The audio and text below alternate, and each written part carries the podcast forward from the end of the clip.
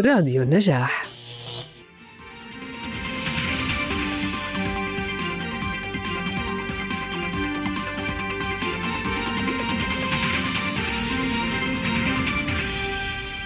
أعزائي المستمعين والمشاهدين أسعد الله مساءكم بخير وحبة.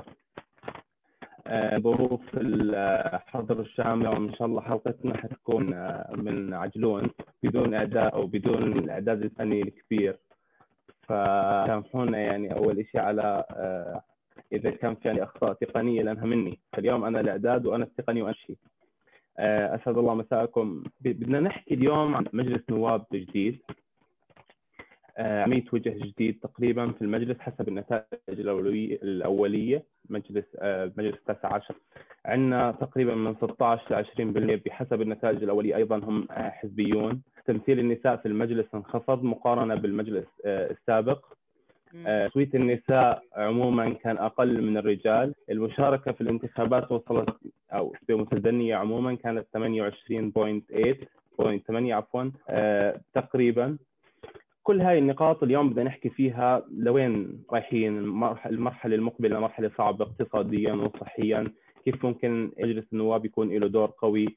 بالمرحله المقبلة مع ضيوفي الأعزاء معالي الدكتور محمد المؤمني عضو مجلس الأعيان ووزير الإعلام الاسر خير معاليك أهلا مساء الخير أخي أحمد.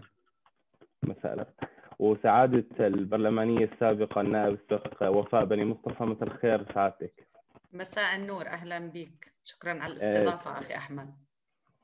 عادتك اسمحي لي أبدأ بالدكتور محمد. دكتور محمد كيف نقرأ نسب المشاركة المتدنيه شعبيا الانتخابات هاي. وطبعا تحدث عنها مركز دراسات الاستراتيجيه سابقا خلال الشهر الماضي بأنها راح تكون متدنيه وربما الدكتور زيد مدير المركز برر ذلك أنه من هون للانتخابات تزيد لأنه الناس أحيانا قبل الانتخاب تختلف آرائها. ولكن ما زادت النسبة. حتى مركز آه كمان طلع نسبة مشابهة 33% لكن النسبة ظلت متدنية ما ما صار في أي كيف ممكن نقرأ هذه النسبة بالرغم من مشاركة جميع التيارات السياسية في في هذه الانتخابات؟ وتقريبا جميع التكتلات الانتخابية اللي زي العشائر في المحافظات شاركت ومع ذلك النسبة بقيت آه متدنية. كيف ممكن نقرأ هذه النسبة؟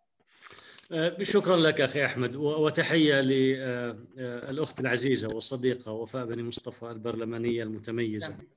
سنفتقدها في البرلمان القادم. شكرا دكتور الله يسعدك. الله يحفظك. أنا أنا أول شيء مهم جدا أخي أحمد لما بنقول نسبة مشاركة متدنية نوضح شو المقصود. يعني لما بنحكي إحنا بال 2016 بانتخابات 2016 كانت نسبة المشاركة 36%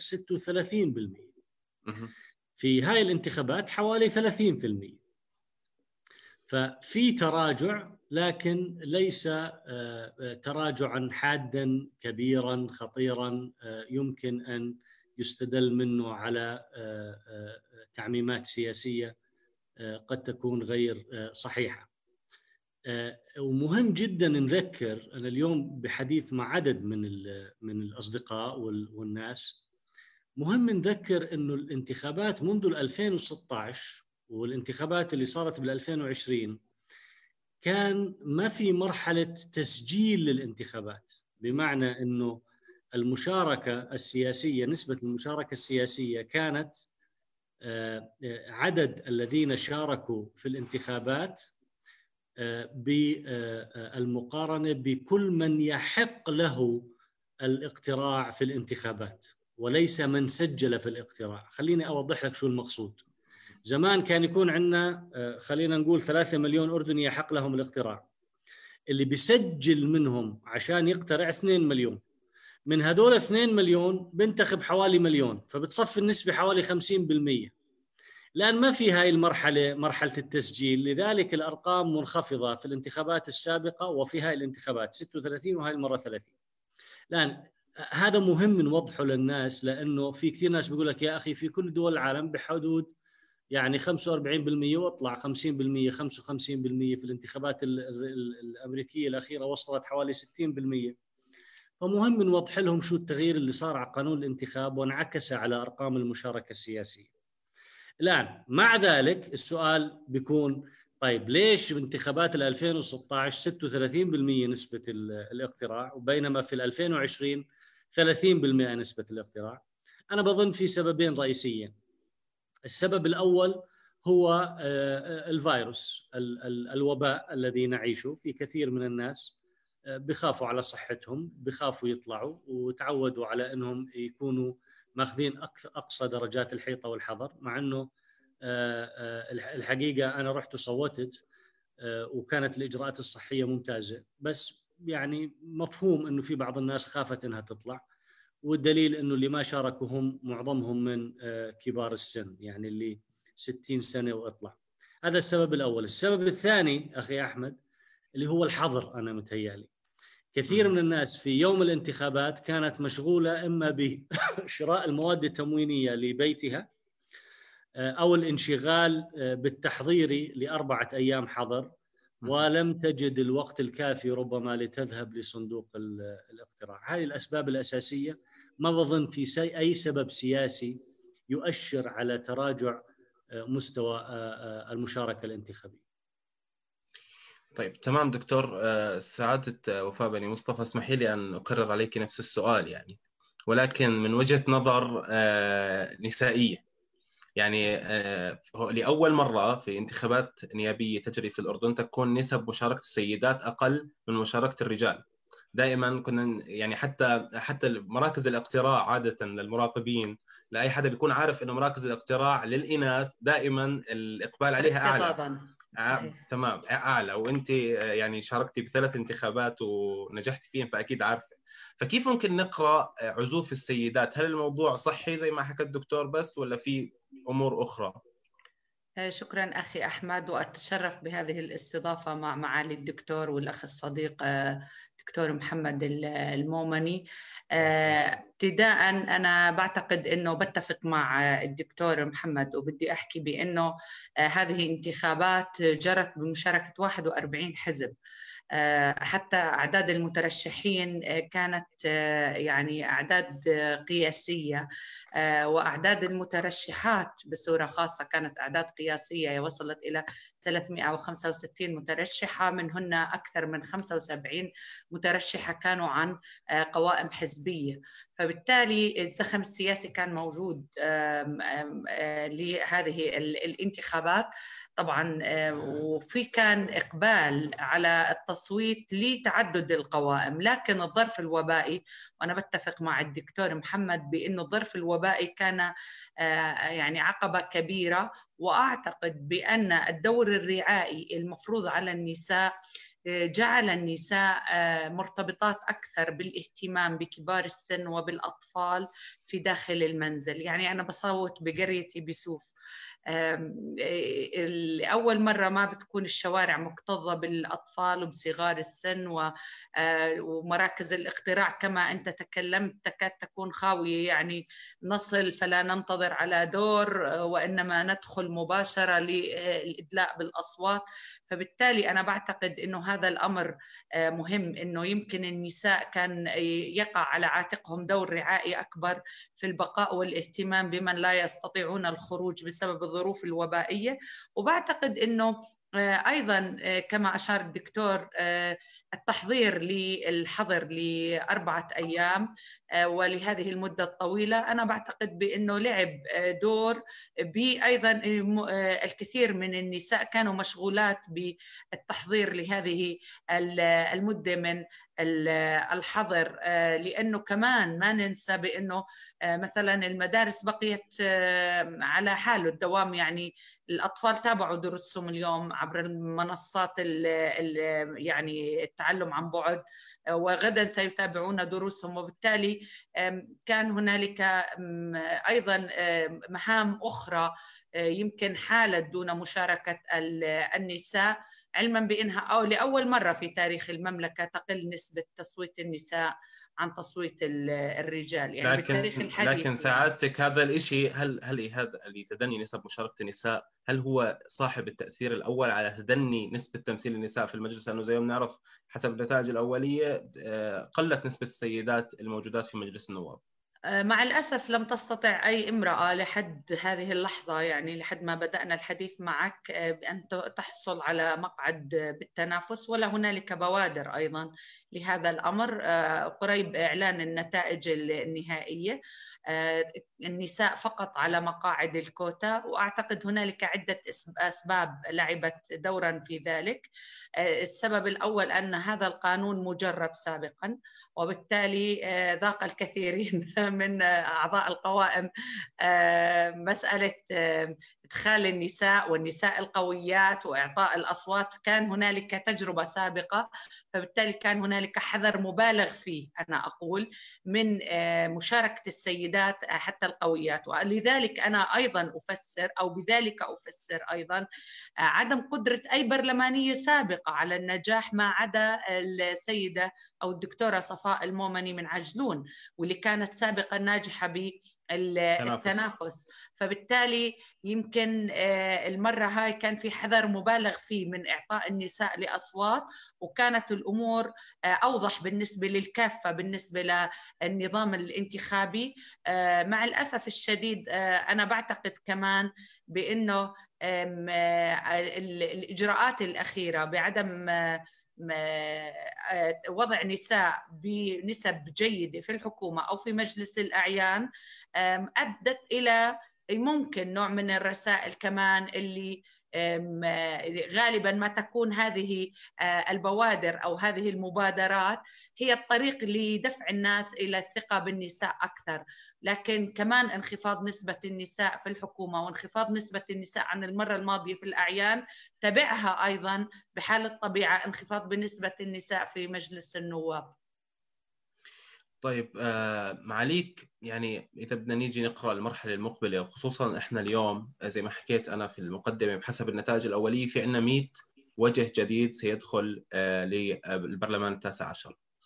آه وهذا يعني إنه في عندنا 100 شخص جديد. آه يعني إحنا إذا بدنا نحكي بواقعية بدون أي آه مثاليات أو بدون أي تجميل إحنا بنعرف إنه آه النائب يحتاج إلى وقت.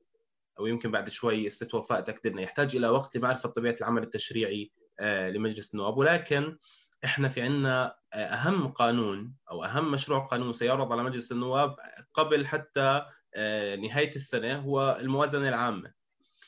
كيف ممكن يكون في عندنا هذا؟ هل سيستطيع المجلس الجديد أن يخرج أو أن يؤدي عمله بشكل جيد خصوصا في أهم مشروع قانون سيعرض عليه اللي هو الموازنة العامة؟ شوف هو بالمعدل آه، عادة آه، نسبة الوجوه الجديدة في كل برلمان آه، في الأردن في كل مجلس نواب التغيير نسبة التغيير حوالي 70% المرة هاي بجوز إذا كان 100 وجه جديد من 130 بجوز النسبة أكثر من هيك. يعني م. هي حوالي 75% بس أعتقد المرة الماضية كانت بهالحدود. وبالتالي دائما في عنا عدد كبير من الوجوه الجديدة. آه، أنا أقول لك بصراحة يعني النائب اللي بوصل لتحت القبة وبيكون عنده شيء من الخبرة السياسية والخبرة العملية بيكون قادر إنه يناقش القوانين ويحاجج فيها وبيساعده بذلك أمرين أساسيين، الأمر الأول إنه مجلس النواب نفسه في من الإسناد الإداري والإسناد الفني الشيء الجيد. يعني على سبيل المثال في مكتب مختص بمناقشة الموازنة في البرلمان سعادة النائب وفاء بني مصطفى بتقدر تحكي لنا أكثر عنه. بس في طاقم إداري بيساعد اللجنة المالية ولجنة الاستثمار اللجنة الاقتصادية والاستثمار بيساعدهم في القوانين الفنية التي تعرض عليهم. وهؤلاء يكونوا عادة من المتخصصين بالأمور المالية وبأمور الموازنة. وبأمور الاقتصاد، اذا هنالك إسناد فني وإداري جيد ومحترم خاصة للجان هامة مثل اللجنة المالية، مثل اللجنة الاقتصادية، مثل اللجنة القانونية آه، وغيرها من اللجان. هذا اولا، ثانيا آه، شوف آه، بالنهاية يعني لما بيجي مشروع الموازنة العامة وأنت أشرت محقا انه من أهم القوانين التي ستعرض في المرحلة القادمة القصيرة على مجلس النواب الحقيقة اللجنة النيابية آه، آه، المالية بهاي الحالة بتجلس وبيكون موجود مدير الموازنة وبيكون موجود وزير المالية وبيكون موجود كافة الجهات ذات العلاقة اللي عم بيناقشوا بنود الموازنة المتعلقة فيها. وبالتالي أي سؤال لدى السادة النواب أو استفسار أو استيضاح يستطيعوا أن يسمعوه مباشرة من الجهات الفنية والجهات التنفيذية التي قامت بصياغة الموازنة. يعني لا لا ضرورة ملحة أن يكون النائب خبيرا ماليا أو خبيرا بإعداد الموازنة أو خبيرا بشؤون القوانين الاقتصادية أو حتى في الأمور القانونية ما دام أن هنالك إسنادا فنيا واداريا وما دام بوسعه كنائب أن يستدعي الحقيقة استدعاء ويطلب مثول الجهات التنفيذية من الحكومة لكي يسألها عن أي شيء يريده وبالتالي هو يخرج بالقرار الذي يراه مناسب. طيب دكتور برأيك هل العمل بقانون الدفاع وحاليا أوامر الدفاع سيعيق بعض الشيء العمل التشريعي أو حتى لا الرقابي من المجلس النواب المقبل أو مجلس النواب الجديد على العمل الحكومة؟ لا إحنا من شهر من شهر ثلاث تقريبا مع وجود المجلس الثامن عشر يعني تعطل العمل أو بسبب الظروف الصحية، لكن إحنا اليوم صرنا يعني أضعاف مضاعفه عن أرقام الإصابات بالالاف عن اللي كنا فيه بشهر ثلاث. صحيح بس بدي أذكرك إنه بشهر ثلاث وشهر أربعة كان قانون الدفاع أو أوامر الدفاع في ذلك الوقت حظر شامل على الجميع، ممنوع الاجتماع من أي جهة كانت، حتى الحكومة كانت تعمل جلساتها عبر تطبيق زوم وعبر عبر الاتصال المرئي. الآن اختلف الوضع، صرنا نتحدث عن مزيد من المرونة. ما دام في إجراءات تباعد اجتماعي ما دام في إجراءات وقائية صحية أنا أعتقد أنه يستطيع مجلس النواب أن يمارس عمله التشريعي. وأنا أعلم الحقيقة أنه من الآن قاعدين بيفكروا بسيناريوهات حول دعوة مجلس النواب للانعقاد وخطاب العرش السامي وكيف التباعد بين السادة النواب أثناء خطبة العرش السامي. بعديها في سلام ما في سلام آلية انتخاب اللجان وكيف سوف نحقق التباعد الاجتماعي في ظل وجود انتخابات للجان. كل هذه الإخوة في مجلس النواب الطاقم الإداري يعكف الآن على التفكير فيها من أجل التعامل معها لكن بالتأكيد سيتم التعامل معها لأنها ضرورة ملحة. سعادة وفاء اسمحي لي يعني أنت كونك برلمانية سابقة ولثلاث دورات متتالية الفكرة حكيت أنا والدكتور محمد عن فكرة الوجوه الجديدة وحكى إنه إحنا هاي فيها زيادة طفيفة لأنه كنا 70% ممكن هسه صرنا 75 أكثر شوي بالمية. لكن هل الوجوه الجديدة هذه سنرى تغيرا في الأداء عن السابق لمجلس النواب؟ يعني أكيد الأداء الفردي يتغير لأنه محكوم بالشخص لكن الأكثر أهمية برأيي والأكثر التحدي الابرز يعني سيكون إذا كان المجلس الجديد قادر على أنه يتبنى آليات للعمل الجماعي ولتشكيل الكتل بطريقة أكثر فاعلية. وهذا هو التحدي الأصعب لأنه البرلمان يصل بطريقه المستقلين بأغلبه والطريقة الفردية. لكن بالتأكيد يعني لن يكون هنالك زي ما بنحكي copy paste يعني عن البرلمان الماضي. لكن باعتقادي إنه التحدي المتعلق بالكتل سيبقى قائما لأن هذا القانون نحن نعلم علم جيد بأنه لم تستطع كتل بكاملها أنها تنجح بسبب إنه ما في عندنا نظام نسبي مغلق وإنما نسبي مفتوح وبالتالي في والاحتساب على نظام أعلى البواقي وبالتالي أغلب الدوائر لم تستطع إلا إخراج أو القوائم لم تستطع إلا إخراج نائب واحد. هذا تحدي كبير وأنا أعتقد إنه هذا بيحتاج إلى إصلاح ديمقراطي يعني في الجذور وليس في الإجراءات. وأما الموضوع المرتبط بالنواب الجدد فبالتأكيد العمل النيابي ليس والمهتمين بهذا الشأن والمترشحين هم أكيد يعني من النخبة المهتمة والمراقبة للعمل السياسي حتى لو لم يكونوا ضمن أحزاب سياسية أو من ضمن يعني توجهات سياسية معينة. وبالتالي لا أعتقد إنه سوف يكون بالنسبة لهم أمر عسير والأمانة العامة يعني للأمانة. آه، تقوم كما قال الدكتور بجهود عظيمة وفي ترتيبات أفضل. يعني كل سنة بيكون هنالك تدريب وكوادر أفضل وبتكون هنالك مأسسة لمساعدة النواب بطريقة آه، أفضل. وأكيد كان دائما يكون في بداية كل دورة هنالك وخاصه بالنسبة للسيدات كنا حريصات دائما على عقدها دورات لرفع الكفاءة وال آه، والمهارات فيما يتعلق بالعمل التشريعي والرقابي. المهم أن يدخل النائب بذهنية أنه يريد أن يقدم أداء تشريعي ورقابي آه، وتمثيلي جيد وأن يكون منفتح للتعلم آه، من هذا الأمر وأن لا يكون متركز ويركز على الجانب الخدماتي والتنموي بصورة تضيع الدور الدستوري اللي هو الأساس. راح أجي بعد شوي أنا وياك على هذا الموضوع تحديدا. لكن دكتور محمد يعني جلالة الملك نادى بكثير كثير مواقف وفعاليات. بضرورة تمكين الأحزاب السياسية وخلق تيارات سياسية اثنين أو ثلاث يكون هدفهم أو التنافس ما بينهم عشان برامج واضحة للوصول إلى حكومات برلمانية. لكن للأسف ما زلنا مكانك سر يعني منذ منذ فترة. هل تتحمل الحكومات السابقة والأحزاب السياسية هذا البطء أو التأخر؟ يعني ممكن إن نفسر إنه هل الحكومات أم الأحزاب أو الاثنين مع بعض؟ وأين سيكون ملف الإصلاح السياسي خلال الفترة المقبلة خصوصا في ظل الوباء اللي ما بنعرف إن شاء الله بنخلص منه قريبا بس ما بنعرف لوين ممكن يمتد هل الإصلاح السياسي راح يكون بعيد شوي ملفاته عن المجلس النواب المقبل أو حتى الحكومة بسبب الظرف الصحي والاقتصادي الصعب اللي بنمر فيه أه، يعني بعرفش إذا بدنا نحكي إنه بعيد بس أنا أنا في ظني أننا نعيش الآن في مرحلة أه، ما بعد اتخاذ خطوات أه، متقدمة في موضوع الإصلاح السياسي. كان في تعديل على قانون الانتخاب، كان في تعديل على قانون الأحزاب، كان في تعديل على قانون البلديات، تم إقرار قانون اللامركزية، هاي كلها قوانين إصلاح سياسي بطريقة أو بأخرى.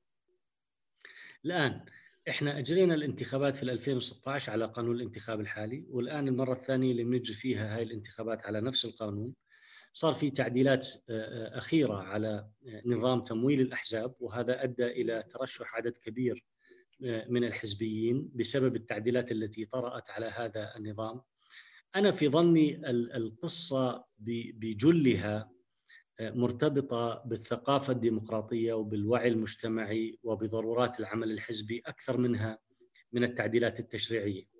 بالمناسبة نفس النقاش آه، يتم في الحديث عن الحريات الإعلامية.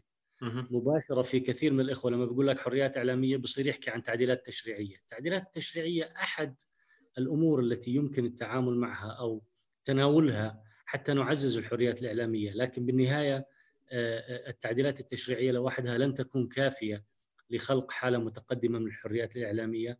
نفس الشيء أنا قناعتي أنه التعديلات التشريعية آه، لن تكون آه، وحدها كافية لخلق حالة متقدمة من التنمية السياسية. خلينا نعترف أنه إحنا ثقافتنا الحزبية لا زالت متواضعة. إيماننا بدور الأحزاب كوسائل وأدوات مهمة في المجتمع من أجل أن آه، آه، آه، تعبئ وتغلف المطالب المجتمعية المتناثرة وتضعها على شكل مطالب محددة أمام الحكومات، هاي الأمور لا زالت لا تحظى بأولوية عندنا كمجتمع، لذلك أنا في ظني موضوع الثقافة السياسية المرتبطة بالتطور السياسي والإصلاح السياسي هذا اللي يجب أنه إحنا نعمل عليه بشكل عميق وأساسي أكثر من التعديلات آه، التشريعية. يعني معاليك بس هي السؤال اليوم بدي أسأله من واقع النتائج الأولية، إحنا شفنا إنه الكتل السياسية اللي كانت تقريبا وحيدة بمجلس النواب اللي هي كتلة الإصلاح خسرت مقاعد ما بعرف أنا ما عندي الرقم النهائي لأنه في أرقام متضاربة ولكن هي خسرت أعداد. هل هناك ردة عن العمل السياسي لدى الأردنيين؟ وبدي أسألك سؤال آخر مشابه بنفس السياق اللي هو إحنا شفنا بعض المرشحين اللي ترشحوا في عمان في في 2016 ولم يحالفهم الحظ وهم كان لديهم برامج سياسية وعادوا إلى قواعدهم الانتخابية أو قواعدهم العشائرية حتى يستطيعوا الوصول إلى مجلس النواب، إحنا وين سياسيا؟ يعني إذا كان السياسي لا يستطيع أن ينجح إلا بدعم القاعدة الانتخابية العشائرية تاعته، فإحنا وين سياسيا؟ البيئة السياسية هل ما زلنا بعيدين عن أن نصل إلى مجلس نواب مسيس بالكامل؟ أه، يعني هذا سؤال كبير ومهم أه، إحنا مجتمع أه، عشائري وعندما أقول عشائري لا أقصد بالتحديد شرق أردني وإنما هذا ينطبق على كافة مكونات المجتمع الأردني يعني حتى الأردنيون من أصول فلسطينية تجمعهم العائلة وتجمعهم العشيرة وتجمعهم الحمولة تماما مثل الأردنيين من شرق اردني هذا شيء متأصل بالمناسبة. هذا موجود من آلاف السنين في هذه المنطقة من العالم. نحن نحن بيئة آه، وإقليم العشائرية والعائلية متجذرة آه، بشكل أساسي وعميق، لذلك كما تفضلت حتى الأحزاب آه، تستخدم العشيرة من أجل الوصول سياسيا إلى المنابر التشريعية والمنابر التنفيذية. وين إحنا؟ إحنا لازم إحنا في مرحلة التحول للديمقراطية، هيك هيك مصنف بالمناسبة علميا واكاديميا. إحنا مش مش السويد ولا فنلندا ولا اليابان، لكن نفس الوقت مش آه، جنوب كوريا ولا ليبيا سابقا ولا آه، يعني آه، كوريا الشمالية ولا كوبا ولا هاي الدول. إحنا نصنف أننا في مرحلة التحول للديمقراطية. والسؤال اللي يطرح دائما لماذا نحن نراوح لفترة طويلة من الزمن في هذه المرحلة من مراحل التحول للديمقراطية، ليش ما نعبر هاي المرحلة ونصير دولة ديمقراطية؟ أنا في ظني إنه السبب آه، أمرين أساسيين، الأمر الأول آه، هي الإقليم الذي نعيش به. آه، إحنا دولة تتأثر في دول الجوار. لما يكون المحيط اللي انت عايش فيه مليء وملتهب بالمشاكل الأمنية والاقتصادية والعرقية والإثنية هذا بيفرض عليك تحديات سياسية كبيرة. الأمر الثاني أمر داخلي إنه إحنا لم نستطع أن ننضج خارطة حزبية متوازنة، لا زال لدينا حزب واحد هو الحزب الأكثر تنظيما والأكثر قوة، وباقي التيارات السياسية سواء كانت يسارية أو وسطية آه، لا تحظى بنفس القوة والقدر الذي يحظى آه، به تيار سياسي آه، بعين. الآن الجزئية اللي تفضلت وسألتها إنه تراجع تمثيل حزب جبهة العمل الإسلامي اللي هي كتلة الإصلاح. أنا بظن مهم إنه يتم دراسة أين أخفق الإخوة في حزب جبهة العمل الإسلامي وفي كتلة الإصلاح. أحكي لك انطباعي أنا. أنا انطباعي بعتقد أنهم بالغوا كثيرا بحجم ترشحهم وبحجم وجودهم في الدوائر الانتخابية المختلفة وشتتوا جهودهم آه، في كثير من الدوائر. أنا استغربت مثلا أنه كان في مرشح للكوتا بكتل الإصلاح في معظم دوائر عمان وبالتالي لم يصبوا ثقلهم خلف مرشحة واحدة للكوتا كما حدث في المرة الماضية ونجحت النائبة النائب السيدة ديما طهبوب. الآن توزعت الأصوات بين دوائر مختلفة في عمان. أنا تقديري أنهم آه، آه، نشروا أصواتهم ونفوذهم السياسي في عدد كبير من الدوائر الانتخابية وهذا لم يكن موفقا ولم يركزوا في دوائر بعينها مما انعكس على تراجع حجم وجودهم في آه، البرلمان القادم. آه، سعادة وفاء بدي أسألك سؤال من النقطة اللي كنت تحكي فيها قبل شوي. نعم. كنت تحكي عن فكرة العمل الخدماتي والعمل التشريعي والعمل الرقابي وتناقضهم.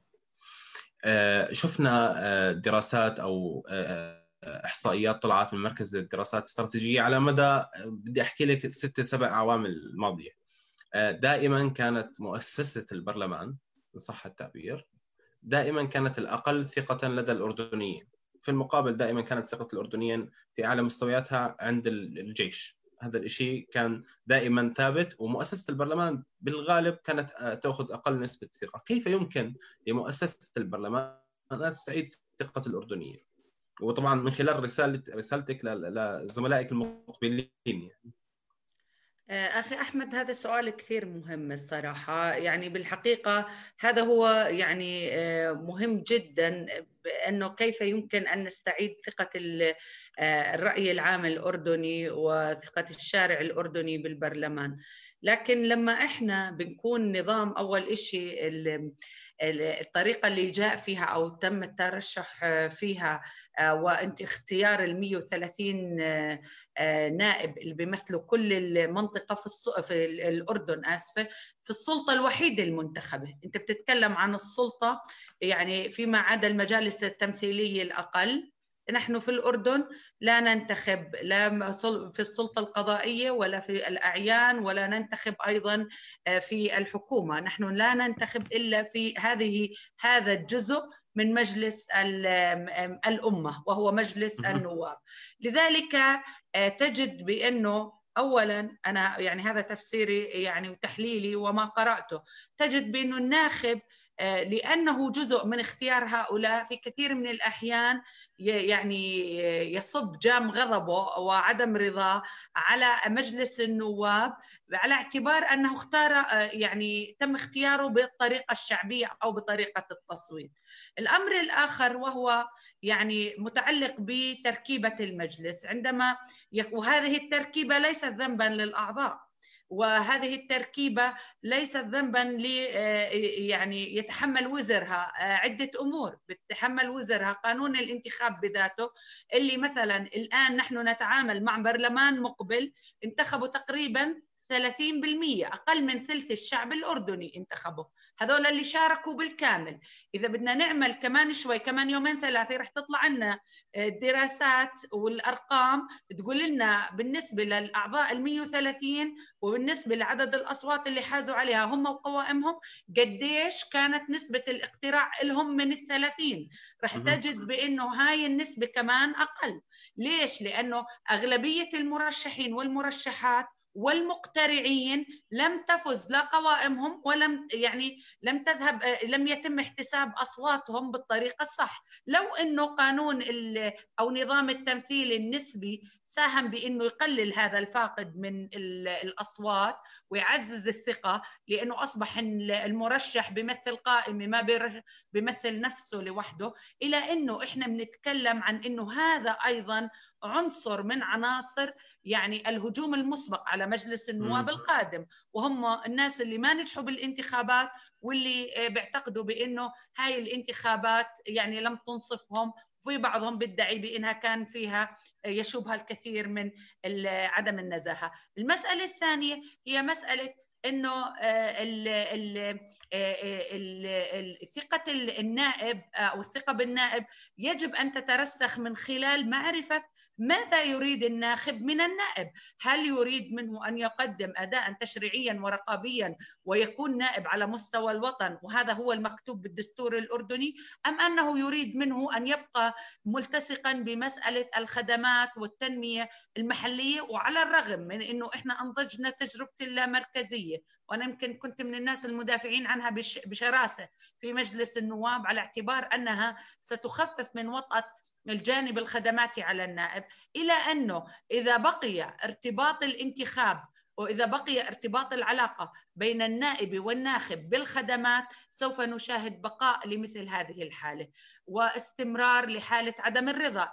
لماذا؟ لأنه زي ما حكيت حضرتك الأوضاع الاقتصادية والصعبة في البلد تفرض بأنه الدور الخدماتي تقلص إلى أقل الحدود. يعني أنا من عشر سنوات في البرلمان كنت آه، وأجد بأنه في كل دورة يتم تصعيب الدور الخدماتي وإزاحته بصورة كاملة، هذا الأمر يجب أن يصل إلى من؟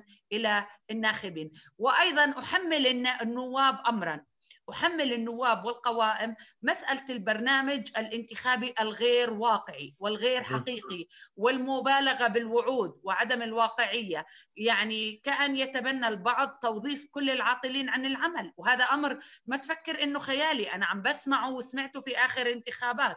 وادعى بعض المترشحين وأنا سمعت هذا الكلام بأنه المجالس السابقة كانت تخير بين آه، أن تعطى اموالا شخصية للنائب وبين أن يتم تعيين أبناء دوائرهم الانتخابية في إطار إيش؟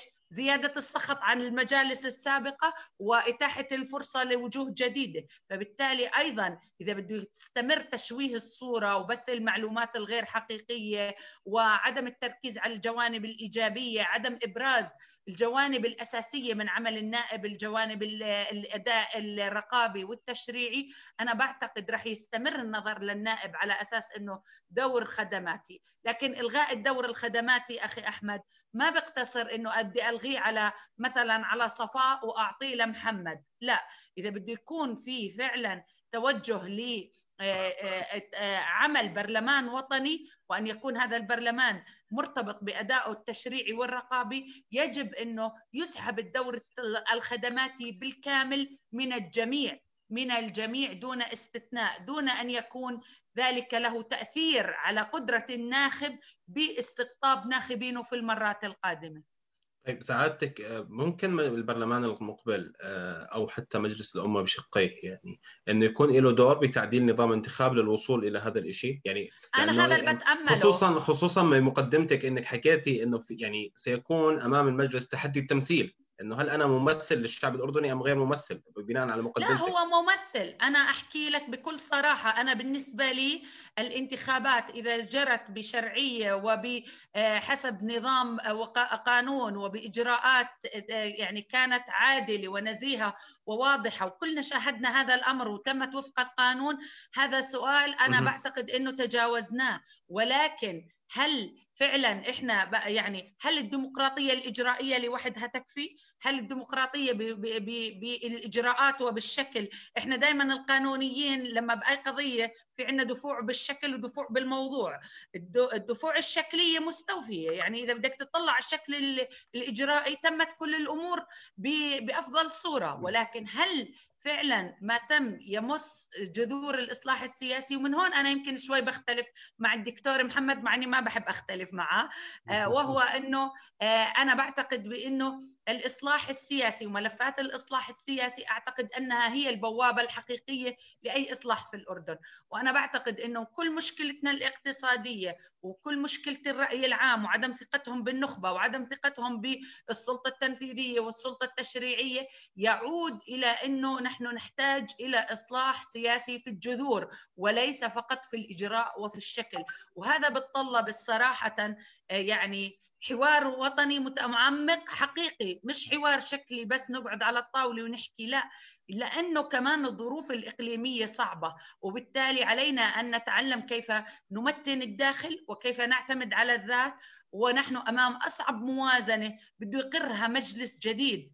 هذا المجلس أنا يعني أشفق عليه مسبقا من الحمل الكبير والمسؤولية الكبيرة اللي على عاتقه وبتمنى إنه كل النخب السياسية والرأي العام يعني يصبر ويدعم هذه السلطة حتى ما نقوضها من البداية لأنه للأسف الهجوم أيضا المبكر على مجالس النواب أدى إلى عدم قدرتها على العمل وإلى تكبيل حركتها وإلى يعني إغراقها بمعارك جانبية أبعدتها عن عملها الحقيقي وبلشت يعني مسبقا بالهجوم عليها. يعني نحن ننتظر على أنفسنا لأنه إحنا أمام ظروف اقتصادية صعبة وظروف سياسية صعبة. وإن شاء الله يعني زي ما حكى كمان الدكتور يمكن في البداية لما أشار للانتخابات الأمريكية كمان إن شاء الله يخف الضغط السياسي على الأردن بعد النتائج الأخيرة للانتخابات الأمريكية لأنه مرينا في السنوات الأربعة الماضية بضغط مخيف على الأردن بضغط على يعني على على الأردن بطريقة كبيرة جدا. إن شاء الله هذه هاي الأمور تخف لأنها كمان الأردن وقعت ضحية ابتزاز سياسي. وتوقف للمساعدات وأشياء وأشياء وأمور كثيرة يعني الشعب الأردني كله يعلم بها. فأنا بتأمل صراحة إنه نحن نلتقط أنفاسنا نعطي هذا البرلمان الفرصة حتى يلتقط أنفاسه حتى يبدأ ب يعني بالقيام بالواجبات الموكولة له بأمانة وبإخلاص وبتأني وعدم تسرع وأن يعني نعرف بأنه حساسية الظرف قد يجب علينا أن نخفض من خلالها سقف التوقعات. طيب اسمحي لي أختم مع الدكتور محمد من خلال ما ختمت به حديثك. دكتور يعني حكيت أنت عن الانتخابات الأمريكية والآن ذكرتها سعادة وفاء. آه، بعد الانتخابات الأمريكية عندنا رئيس جديد أو على الأقل لحد الآن عندنا رئيس جديد ما بنعرف قانونيا إيش حيصير عندهم. بس أنت أكيد بتعرف آه، دارس بأمريكا وبتعرف منيح الوضع اللي بصير قاعد بأمريكا. الأردن بعد الانتخابات الأمريكية وقدوم بايدن. الأردن اقليميا إحنا في عندنا هذا الشيء مش خفي أصبح على على الكل على الجميع. يبدو في عندنا فتور بعلاقاتنا بالإقليم خصوصا مع دول الخليج اجمالا. آه، أو في تضارب بالرؤى. آه، حول القضية الفلسطينية مثلا الأردن اقليميا وين وين رايح؟ هل ما زلنا نحافظ على على أهمية موقعنا الجيوسياسي أم اختلفت اليوم؟ آه، سؤال مهم بجوز بده حلقة كاملة أخي أحمد لأنه بصراحة استراتيجي وعميق ومهم لأنه كما تفضلت سعادة النائب آه، آه، وفاء بن مصطفى في الفترة الماضية الأردن تعرض لضغوطات وربما خيبات أمل آه، في عديد من الملفات الإقليمية خاصة فيما يختص بموضوع الصراع العربي الإسرائيلي والانحياز الأمريكي المفرط اتجاه حل الدولة اتجاه إسرائيل طبعا وربما إدارتها الظهر لحل الدولتين نقلها للسفارة إلى القدس السفارة الأمريكية للقدس هذه كله يعني الحقيقة مس المصالح العليا للدولة الأردنية وبالتالي رتب علينا كثير من التحديات. المؤمل إنه الرئيس الجديد بايدن يكون أكثر توازنا في التعامل مع هذا الصراع ويكون أكثر اعتدالا ويعطي الطرف الفلسطيني مقعده الذي يستحق على طاولة المفاوضات. لكن هل هذا آه، يعني يقلل من أهمية آه، الدور الأردني سواء كان بسياسات ترامب المنحازة أو سياسات بايدن المتوقع تكون شوية أكثر اعتدالا؟ لا الحقيقة موقع الأردن آه، السياسي وموقعه الجيوسياسي والاستراتيجي ودوره الإقليمي ومعياته ومصداقيته الدولية والمكانة السياسية والدبلوماسية التي تحظى به قيادته يجعل دولة طاغية الحضور في كافة الملفات. يعني يمكن الحديث عن كثير من الملفات الإقليمية التي ربما تجري بما لا يريده الأردن أو ربما الأردن بود أن يراها تسير باتجاه مختلف. لكن بالنهاية دور الأردن وموقعه آه، وقدرته على التأثير في الملفات موجودة وحاضرة ولا أعتقد أن آه، يمكن الانتقاص منها بحال من الأحوال وسيكون من غير الحكمة الانتقاص منها. وأعتقد أن الرئيس الأمريكي القادم آه، يدرك تماما هذا الأمر. طيب السؤال الأخير معليك في إحنا كنا حتى سعادة وفاء بن مصطفى شاركت معنا في مشروع على مدى 10 أيام مع حوارات مع شباب يبدو يعني خلاصة المشروع ممكن نعتبر يبدو في عدم ثقة متبادل ما بين الشباب ومؤسسات الدولة. فكيف ممكن نستعيد هذه الثقة ما بين أنه مؤسسات الدولة تثق بالشباب وأن الشباب يعودوا إلى الثقة بمؤسسات دولتهم؟ هذا السؤال جدلي بس أنه ضروري نسمع آه، رأيك فيه ك كيمكن مسؤول سابق واليوم أنت عضو في مجلس أمة. فكيف ممكن مؤسسات الدولة تعيد ثقتها للشباب وتستعيد ثقتها من الشباب؟ أنا بظن المفتاح بأمرين أساسيين. الأمر الأول أن يكون هنالك آه، آه، جودة في الأداء وإصلاح حقيقي. يعني لا يكفي الحديث عن خطط لا يكفي الحديث عن استراتيجيات لا يكفي تبرير وتسويق القرارات. يجب أن يكون هنالك قرارات تؤخذ آه، بنتائج واضحة. المرحلة القادمة أنا بتقديري يجب أن تكون الإدارة بالنتائج، القرارات بالنتائج وليس فقط قرارات منطقية وجيدة واستراتيجيات ويتم الحديث عنها ثم نكتشف بعد سنة أو سنتين أنها لم تفعل شيئا. هذا الأمر الأول لما الناس لما الشباب وغير الشباب يشوفوا في منتج حقيقي آه، بصير في ثقة. والثقة ليس مستحيل استعادتها، بذكرك ببداية الجائحة بفيروس كورونا لما كانت الإجراءات قوية وشديدة ولقت آه، آه، أثر مباشر في الميدان الناس احترمت الأداء واحترمت الجهات التي قامت بهذا الأداء وارتفع منسوب الثقة. هذا اولا، اذا الأداء يجب أن يكون آه، آه، جيد ويكون ذا نتائج واضحة ملموسة. مرتبط بالإنجاز يعني. مرتبط بالإنجاز، الأمر الثاني أن يكون هنالك مصداقية. يعني لن لن لن نعمل الدنيا قمر وربيع وهي مش قمر وربيع. نحكي للناس الصحيح. أنا بظن من المشاكل اللي خلقت هذه الفجوة بالثقة اللي هي إنه محاولة تجميل الواقع الصعب أحيانا. يعني لما نضل نحكي إنه بدنا نحل مشكلة البطالة وإحنا مش قادرين نحل مشكلة البطالة. بدنا نجيب استثمارات وإحنا مش قادرين نجيب استثمارات. طيب خلينا نحكي على قدنا. خلينا نقول نسعى لتقليل نسبة البطالة من 23% ل 21% هيك بصير الكلام أكثر منطقية عن إنك تقول بدي أحل كل مشكلة البطالة بدي أرفع كل مستوى المعيشة. طب ما أنت مش قادر إنك تعمل هيك. فأنا أظن إنه يكون في مصداقية بالخطاب ونحكي نصدق الناس قولهم نحكي للناس الصحيح نحكي للناس قديش انتاجيه العامل الاردني نحكي للناس إنه في شغل بالبلد بس للأسف هذا الشغل قاعد بروح على ما يزيد عن مليون وافد آه، آه، أجنبي عربي وغير عربي. آه، نحكي للناس إنه كل الناس بدها جامعات مع إنه الشغل اللي موجود مش للجامعات. هاي من الأمور اللي إحنا بنضل نسكت عنها في في في نقاشاتنا العامة. مما يخلق فجوة من الثقة بين الناس وبين المؤسسات الأخرى. فالإدارة بالنتائج الإنجاز الملموس والمصداقية في الحديث عن المشاكل وتعريفها بشكل دقيق أنا بعتقد هذول المفتاحين الأساسيين لاستعادة الثقه طيب آه، معالي الدكتور محمد المؤمني عضو مجلس الأعيان ووزير الإعلام الأسبق شكرا لمشاركتك معنا اليوم. شكرا, شكرا لك. أحمد. شكرا. سعادة وفاء بني مصطفى البرلمانية السابقة يعطيك العافية. شكرا لمشاركتك معنا. أعزائي المشاهدين والمستمعين شكرا آه، لتفاعلكم معنا وإن شاء الله في إلى لقاء آخر الأسبوع المقبل بإذن الله. يعطيكم العافية. Bye.